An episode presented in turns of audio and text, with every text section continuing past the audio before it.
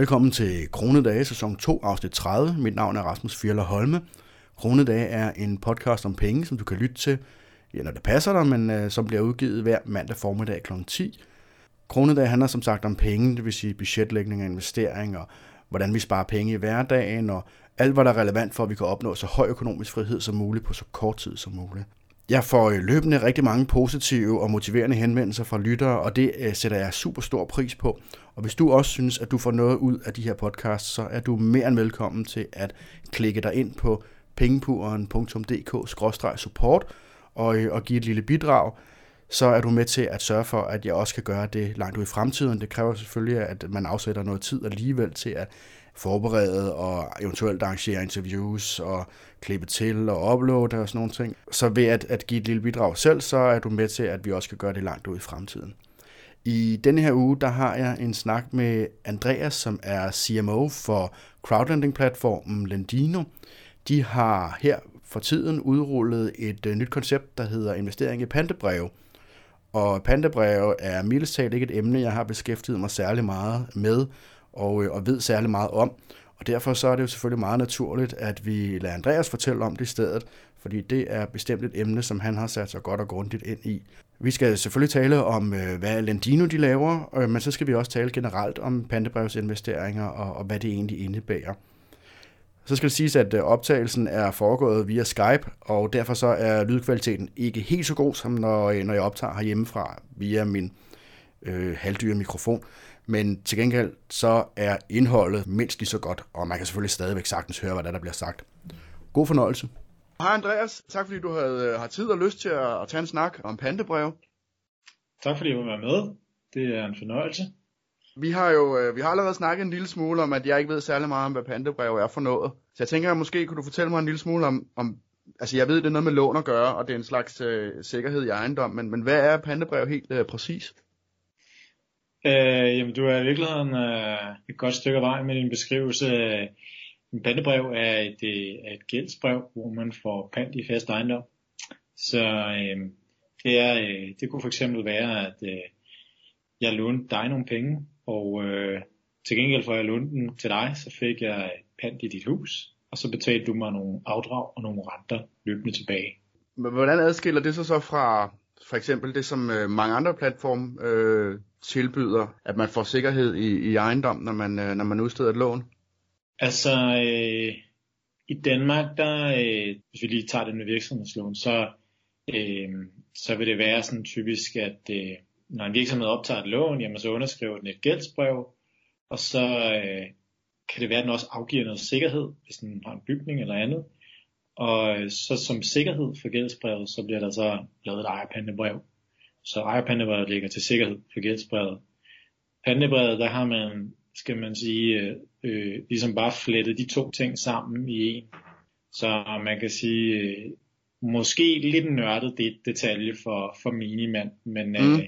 det er, der er en forskel. Og så hedder det vist også pandebrev.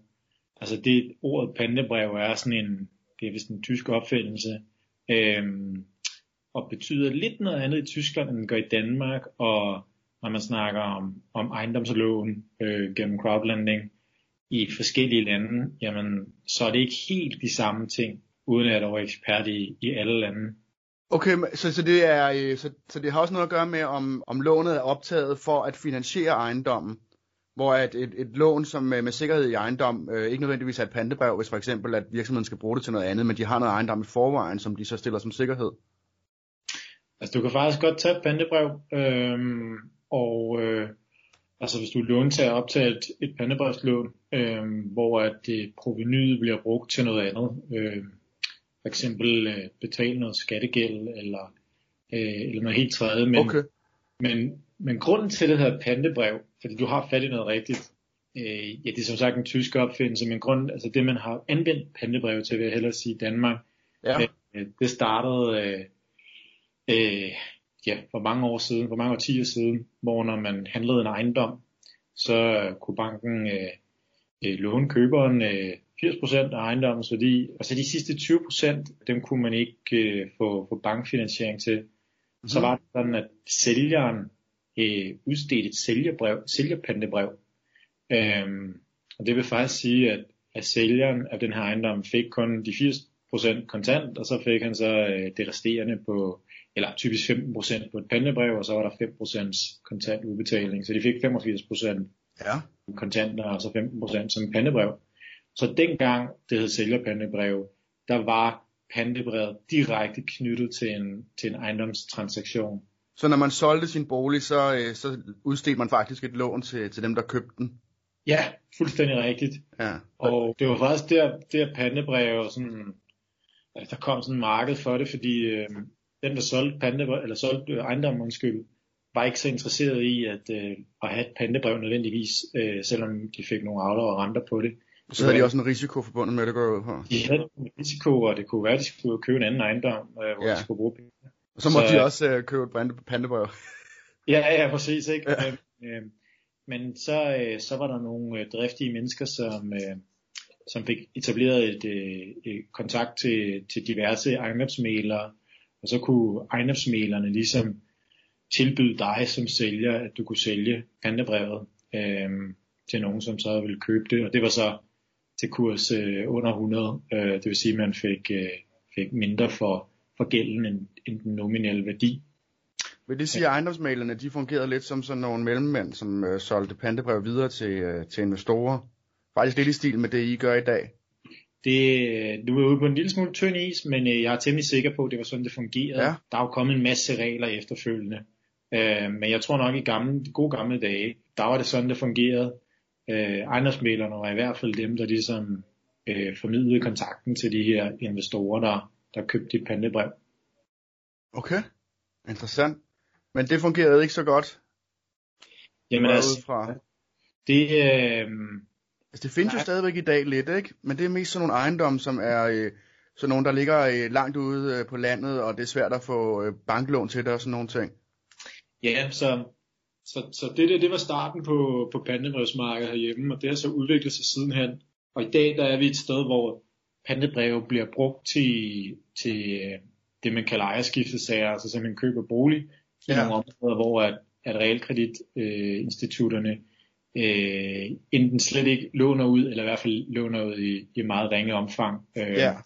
og så, øh, altså der, der findes, øh, så vidt jeg ved, ikke lige frem en officiel liste, men, men hvis man for eksempel øh, kommer uden for, for, altså tilpas langt væk fra de større byer, steder Ja. hvor høj arbejdsløshed, øh, øh, det kunne for eksempel være på Lolland og på Falster, der er nogle områder, hvor at, at, boligerne også har en, en værdi, der er så lav, at, at hele det her papirarbejde med at lave et realkreditlån kan nærmest ikke betale sig for at, at finansiere en bolighandel på. At de administrative udgifter er for høje i forhold til prisen.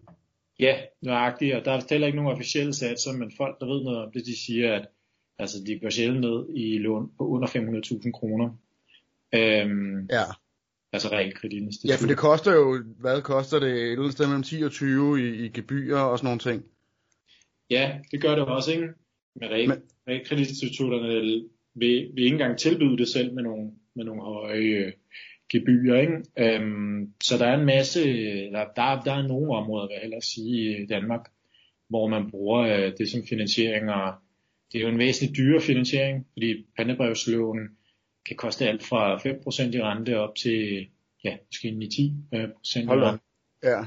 Øhm, så, Så det bliver, også, det bliver også brugt til folk, som ikke kan få lån i bank. Altså ikke nødvendigvis, fordi boligen er, øh, øh, ligger langt ude på landet og er svær at og, og, og, og værdifastsætte, men også fordi, at man måske har høj gæld i forvejen, eller, eller ikke kan bevise, at man har så høj indtægt og sådan nogle ting.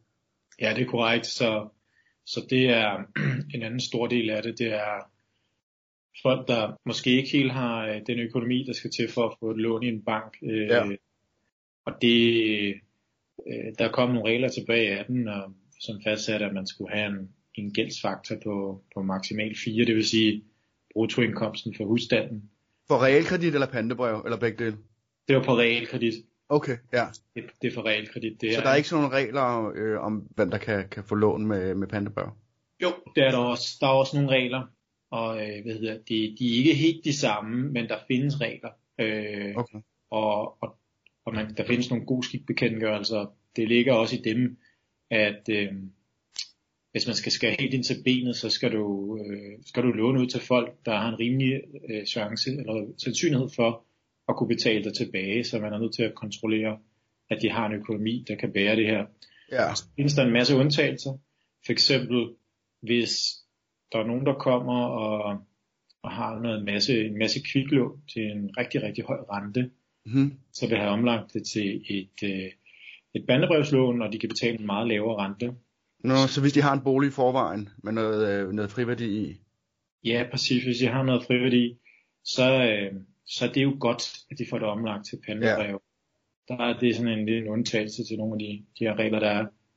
Ja. Øhm, og så er der også en pandebrev bliver også øh, benyttet af, af en anden kategori, og det er developer, øh, altså folk, der øh, køber et hus og øh, renoverer det og, og sælger det videre øh, Mhm. mm-hmm. for tjeneste.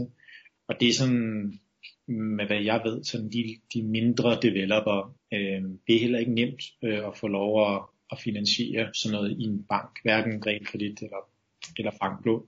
Nå, så det er, hvis man står og skal bruge et, et, øh, et hurtigt, kortsigtet lån, Ja, øh, fordi man skal have renoveret en ejendom, og så, og så solgt den videre om et år eller to, så kan pantebrev give mening, også selvom renten øh, nogle gange er, eller ofte er, er højere. ja, præcis.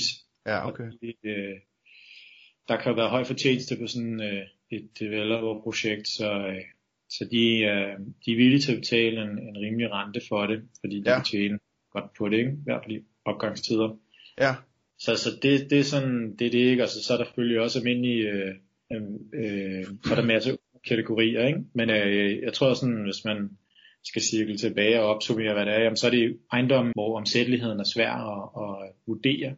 Det er typisk, øh, det skal man sige, lidt langt ude på landet. Øh, og så er det låntager, som har en økonomi, øh, som gør, at de ikke kan, kan gå igennem banken og realkreditinstitutterne. ja. Øh, det er sådan det overordnet. Og det gælder så både i forhold til private, der skal købe en bolig, men så også for, øh, for virksomheder. Ja, det, det, det gælder begge dele. Øh, Ja. Private udgør mig bekendt langt hoveddelen, af, eller langt størstedelen af Okay, det samme. okay, interessant. Er det altid kun faste egen, eller hvad hedder det, øhm, pant i fast ejendom, eller kan man også øh, købe pantebrev i øh, biler, eller, eller andre former for, for øh, aktiver eller ejendom? Øhm, I Danmark der er det øh, med pant i fast ejendom. Ja. Og Det er sådan en del af definitionen på et pantebrev, at det er fast ejendom. ja, altså det kan godt være en, øh, en landbrugsejendom, eller en udlejningsejendom, eller en beboelsesejendom, øhm, eller en industriejendom, eller, eller hvad det er, ikke bare det Ja. er ejendom. Okay.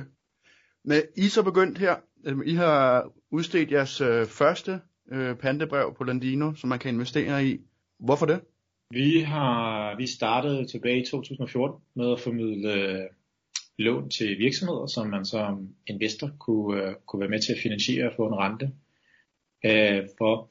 Og øh, vi har hen over årene øh, primært haft det problem, at der har været for lidt at investere i for vores øh, investorer. Mhm. Øh, og øh, så har vi været lidt på udkig efter nogle andre ting, som vi synes er giver en, en, en, et fornuftigt afkast i forhold til risikoen. Øhm, og der har vi så hen ad vejen fået øje på det her pandebrevsmarked. Øhm, så det er egentlig for at tilbyde vores investorer øh, noget mere, de kan investere i, øh, som, vi, som vi også synes har et fornuftigt øh, øh, risiko- og afkastforhold. Mm-hmm. Er det så private eller virksomheder, eller begge dele? Dem, som I udbyder? Vi har vi er lige startet, så vi er ude på to, og de har så været til private begge to. Ja. Øh, øh, vi forventer, at, øh, at størstedelen vil være til, til private. Øh, det forventer vi faktisk. Private, private boliger eller ejendoms, øh, sådan Ja. små ejendomsinvestorer? Øh? Nej, øh, private, øh, øh, private låntager. Ikke? Altså, øh, og, øh, og vi forventer sådan set også, at det meste vil være i øh, private boliger. Øh, Okay. Det gør vi. Så det er, det er sådan noget som for eksempel boliger i udkants Danmark, og, øh, og nogle af, for eksempel de, de sidste 20 procent og sådan noget. Det er det, man, man, mange af de lån, man kommer til at se hos jer. Der vil både være ejerskiftelån og tillægslån på vores platform. Ejerskiftelån er øh, lån, som bliver udstedt i forbindelse med, at nogen køber en bolig, og øh, det er typisk lån, som ligger fra 0% og ud til 100%. Øh, vi vil forsøge at finde nogen, der ikke går helt ud til 100%. Og så vil vi finansiere tillægsbelåninger. Det vil sige folk, der har noget friværdi, og af en eller anden årsag skal bruge nogle penge, øh, og som ikke kan få lov at tage et, øh, et banklån øh, mm. eller et lån i deres friværdi. Øh, og det er der, der, altså det naturlige spørgsmål er, hvem er de så? Altså det er folk, der har, øh, måske har de en historik, der gør, at banken er lidt nervøs for dem. Øh, øh, det kan også være, at de har øh, et, øh, et, et rådighedsbeløb, der er, det er måske okay ifølge lov, men, men banken synes det alligevel det er lidt for lavt. Det kan også være virksomhedsejere, øh, som har variabel indtægt. Det betyder også meget for bankerne, ja. man har stabil indtægt. Ja. Øhm, nogle ja, det kan være meget svært for selvstændige at få, øh, få realkreditlån i banken. Det kan være ekstremt svært, fordi de, øh, altså selvstændige, de spørger jo, de har jo øh, flere håndtag at dreje på, når de skal betale sig selv penge, så ja. nogle år kan det være, at man betaler sig selv øh, øh, noget udbytte og noget i løn, og andre år, så, så skruer man lidt på det, så forholdet bliver lidt anderledes, og så får ja. man nogle lønsedler, som ikke er stabile, øh, eller indtægten på dem. Ja. Og det gør, at man kan, være, kan have svært ved at låne i, i banken. Ja. Ja, det tror jeg, eller det er der rigtig mange selvstændige, som har problemer med, at de måske faktisk tjener okay, men det svinger rigtig meget hen over året, eller som du siger, måske lader de en stor del af pengene blive i virksomheden, i stedet for at trække dem ud som løn. Ja, lige præcis. Og så er der, øh, så er der sådan en kategori, som hvis folk er kommet lidt op i årene, at de, de behøver ikke engang at være selvstændige, men hvis de så tæller noget af selvstændige, så har de to ting imod sig, så har de også deres alder imod sig, så det, det kan også være svært, når man er kommet lidt op i årene og, og få nogle lån, øh, som, som både aldrende og som, øh, som en, der er virksomhedsejer. Ja. Så, ja, så, det, så, så det bliver et bredt udvalg?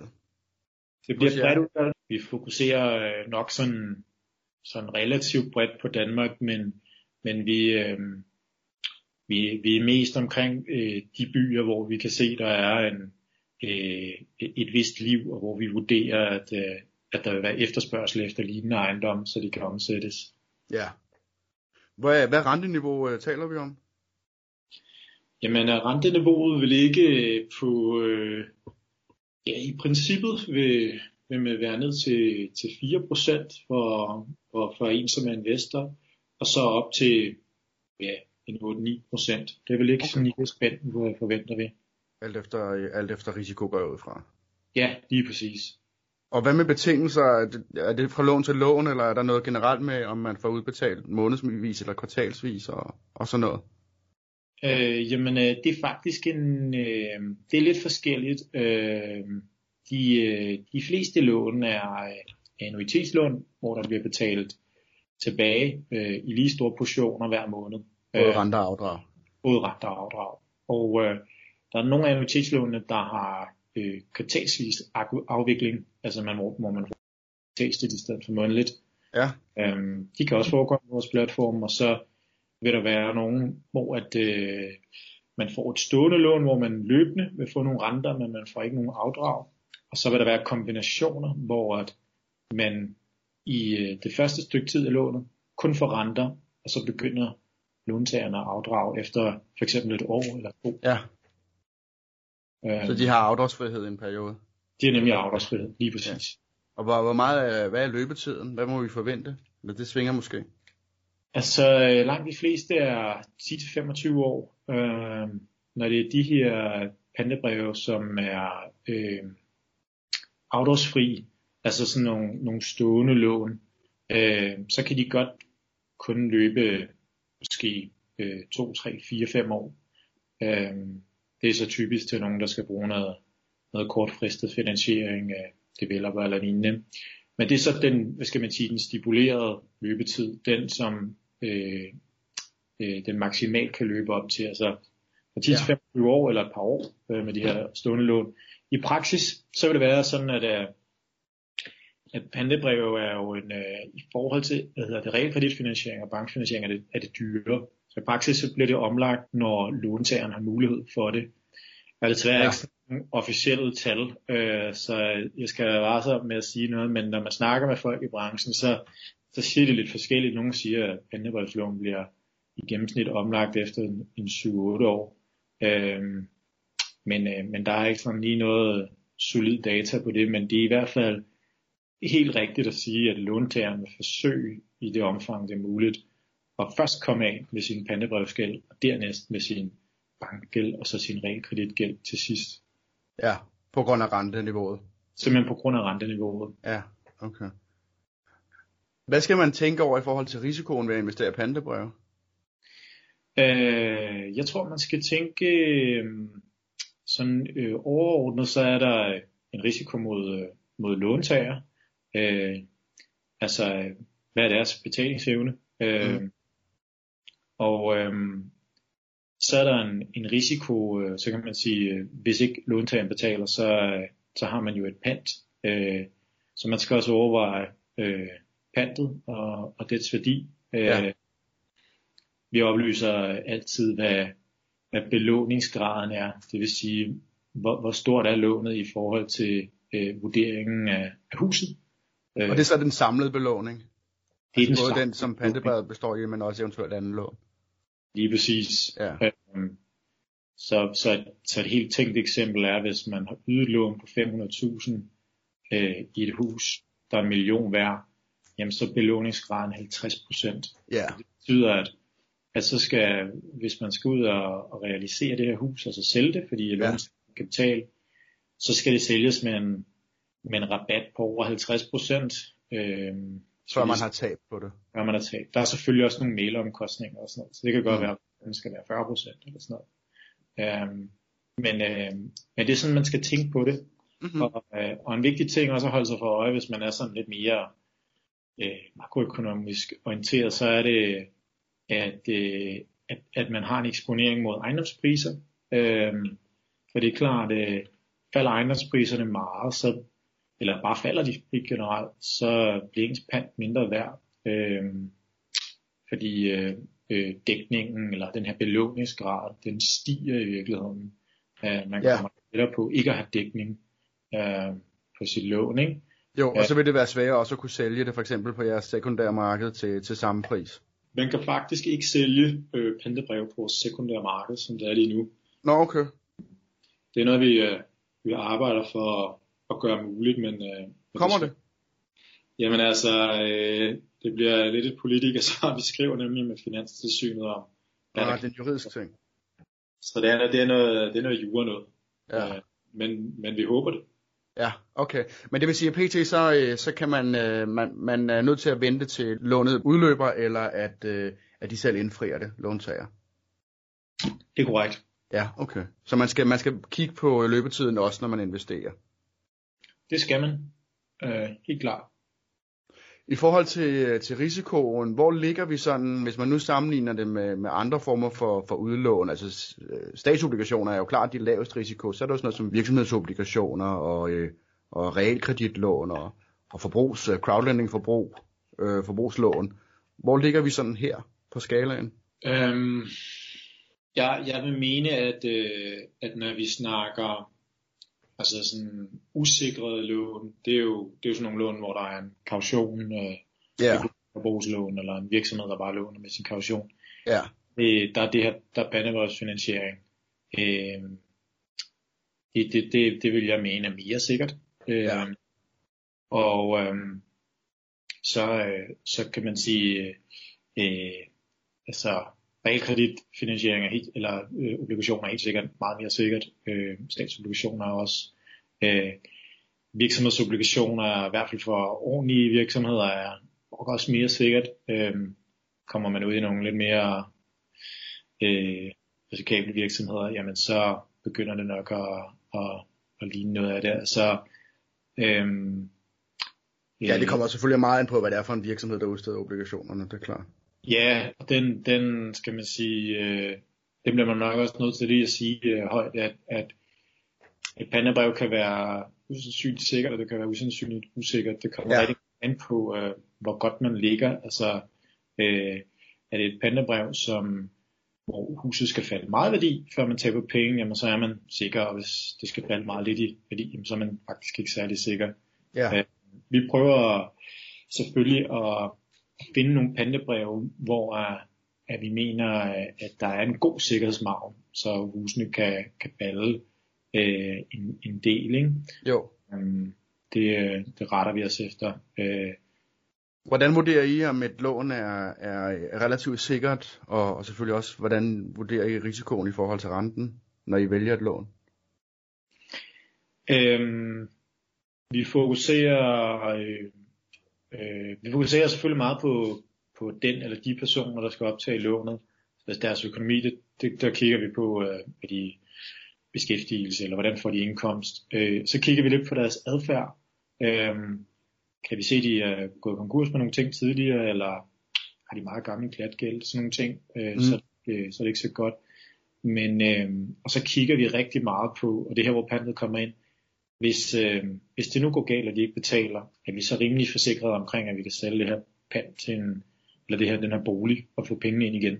Ja. Øh, og hvis jeg skulle, skulle vægte det, så, så vil jeg hellere have, øh, altså så vil jeg hellere have et godt pant, end at have en, en, en super øh, hvad hedder det, låntager, hvis endelig man skal lave det vel. Øh, det gør man så ja. nok praksis, man vil gerne have lidt af det hele, men, men det har noget at gøre med, øh, det kan godt være, at vores långiver, øh, de så oplever, at pengene ikke falder til tiden, men vi er rimelig sikre på, at vi kan gå ud og sælge den her bolig til mm. betalingerne. Ja. Øh, kræve pengene ind. Øh, øh, end den anden vej rundt, fordi man kan jo så bekendt blive syg og dårlig og miste sit job og sådan noget. Men et hus, det, øh, det står, hvor det står, øh, og, øh, og det kan selvfølgelig vandrygte så meget andet, men, øh, men øh, det har, det har hvad det, låntager jo ikke nogen interesse i, så, så det, det fokuserer vi meget på.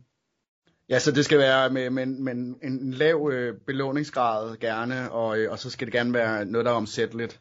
Så er man sådan rimelig øh, relativt tryg ved, at, at man nok skal få sine penge igen, selv hvis der ikke bliver betalt. Ja, nøjagtigt, ikke? Altså, ja. det, vigtigste, det vigtigste for os er, at vores långiver får så, så få tab som overhovedet muligt. Øh, ja. Hvad, øh, hvor, hvor nemt er det, eller hvor svært er det, at, øh, at, at sende en bolig eller en ejendom på tvangsauktion, hvis ikke der bliver betalt? Altså, øh, det er en proces, øh, som er øh, sådan relativt velbeskrevet og, øh, og sådan rimelig lige frem at følge. Så, så det vil jeg sige er, øh, det, det er til med at gøre. Øh, mm. er eksempelvis noget nemmere end hvis man har en kaution for en virksomhed eller en person. Øh, så det er jo det, det er virksomheden eller personen, der lover, at de betaler ja. noget, øh, hvor at huset det er, det er en værdigenstand, kan du sige, øh, som man har ret til at sælge, hvis, øh, hvis låntagerne ikke gør, som, som de har lovet. Ja. Øh, og det betyder, at, at det er nemmere og hurtigere at omsætte, end, end det er at omsætte en kaution til, til, nogen, til, til betalinger. Mm-hmm. Udover, uh, udover Lendino, hvor investerer folk ellers i pantebreve i Danmark? Jamen, øh, øh, pantebreve har været noget, der har været forbeholdt øh, folk, der har haft øh, nogle penge at investere og, og lidt øh, større øh, portion penge. Mm-hmm. Man kan, der findes forskellige formidlere af pantebreve, øh, men de kontraherer typisk øh, med med folk, der kan købe hele pantebreve, og ikke bare et, men, men mange. Og et pantebrev er typisk, det er sjældent et pantebrev er meget mindre end, end 100.000 kroner. Øhm, og, og de er også gerne på 100.000. Øhm, så det har været noget, der er forbeholdt de få. Øhm, der findes også virksomheder, som jo gør det professionelt, og som lever af at købe pantebreve. Ja. Øhm, så vi ser, vi ser det her som en måde at, at skabe adgang til en aktiv klasse til endnu flere øh, investorer. Fordi hos jer, der kan man starte ved, ved 1000 kroner? Fordi man hos os kan investere for 1000 kroner ned i et, øh, i et pandebrev, lige præcis, øh, frem for at skulle have 100.000 kroner per, per pandebrev. Ja, så, når, så normalt så, så er det rige mennesker, som investerer i et helt pandebrev. Men i, ja. her der har man så mulighed for at købe øh, dele af et pandebrev. Yes, det er essensen. Okay. Og hvor meget, øh, altså jeg synes det lyder spændende jo, fordi jeg har jo også været en af dem, der har sådan gået og set, at der ikke har været voldsomt mange nye lån hos jer. Men jeg kan forstå, at I regner med, at der kommer nogle, nogle løbende nu her. Hvor meget kan man forvente, at, øh, at de kommer til sådan nogenlunde at, at udstede den næste tid? vi er jo lige, vi er jo lige lanceret, og vi synes faktisk, vi har fået, fået en god modtagelse af investorerne. Og, øh, og til en start var vores mål at, at lægge øh, 3-4 pandebrevslån ud om, om måneden. Mm. I hvilken størrelse cirka? Øhm, op til en million, vil jeg sige. Øh, ja. Selvfølgelig et vist spænd, men, øh, men altså alt fra ja, 100.000 op til en million. Mm. Øh, og så er vores målsætning at, at, at selvfølgelig at, at, at vækste det øh, over tid. Men i starten vil vi lige øh, vil vi også lige give investorerne en chance for at, at se det, inden vi, øh, inden vi lægger en masse ud. Øh, så, øh, så det, det bliver nok noget i den, det omfang. Øh, så med tiden, så vil vi simpelthen uh, se, om vi kan lægge flere og flere på, når, når vi er konfidente omkring, at efter, efterspørgselen er der. Mm, spændende. Hvad, øhm, har du ikke lyst til at lige lave et hurtigt pitch for, hvorfor man skal investere hos jer? Du har jo gjort det lidt allerede, men, men det kan være, at øh, du har nogle gode pointer, som du synes er vigtige her på faldrebet. jo, selvfølgelig. Øhm, jeg synes, man skal investere hos os, fordi vi har øh, seks års erfaring med øh, at drive en crowdlending-platform. Øh, og øh, vi har prøvet, øh, vi har set lidt af hvert, og, og har siddet og kreditvurderet en masse, så, så vi har en, en, en, synes vi selv, god fornemmelse af, hvad man skal kigge efter, øh, når man skal finde øh, en god låntager. Øh, så er det ganske simpelt øh, at komme i gang. Man kan registrere sig ved at, at tage sit nem idé ind og sin e-mail, og, øh, og det, ja, det tager ikke mere end en minut. Øh, og så kan man putte penge ind med, med MobilePay eller, eller en bankoverførsel. Så er man sådan set i gang, og man kan investere ned til 1000 kroner, så, så man behøver heller ikke at have øh, de helt store midler øh, for at komme i gang. Øh, og omvendt, hvis man har en masse penge, jamen, så kan man også sagtens komme i gang og øh, sprede dem over på en del forskellige pennebreve. Mm-hmm. Tak for det, Andreas. Jeg glæder mig til at følge med i, hvordan det kommer til at gå, og jeg er faktisk selv blevet lidt inspireret til måske at, at prøve at sende lidt flere penge efter Lendino, end jeg har gjort hidtil. Tak fordi I var med. Det var en fornøjelse.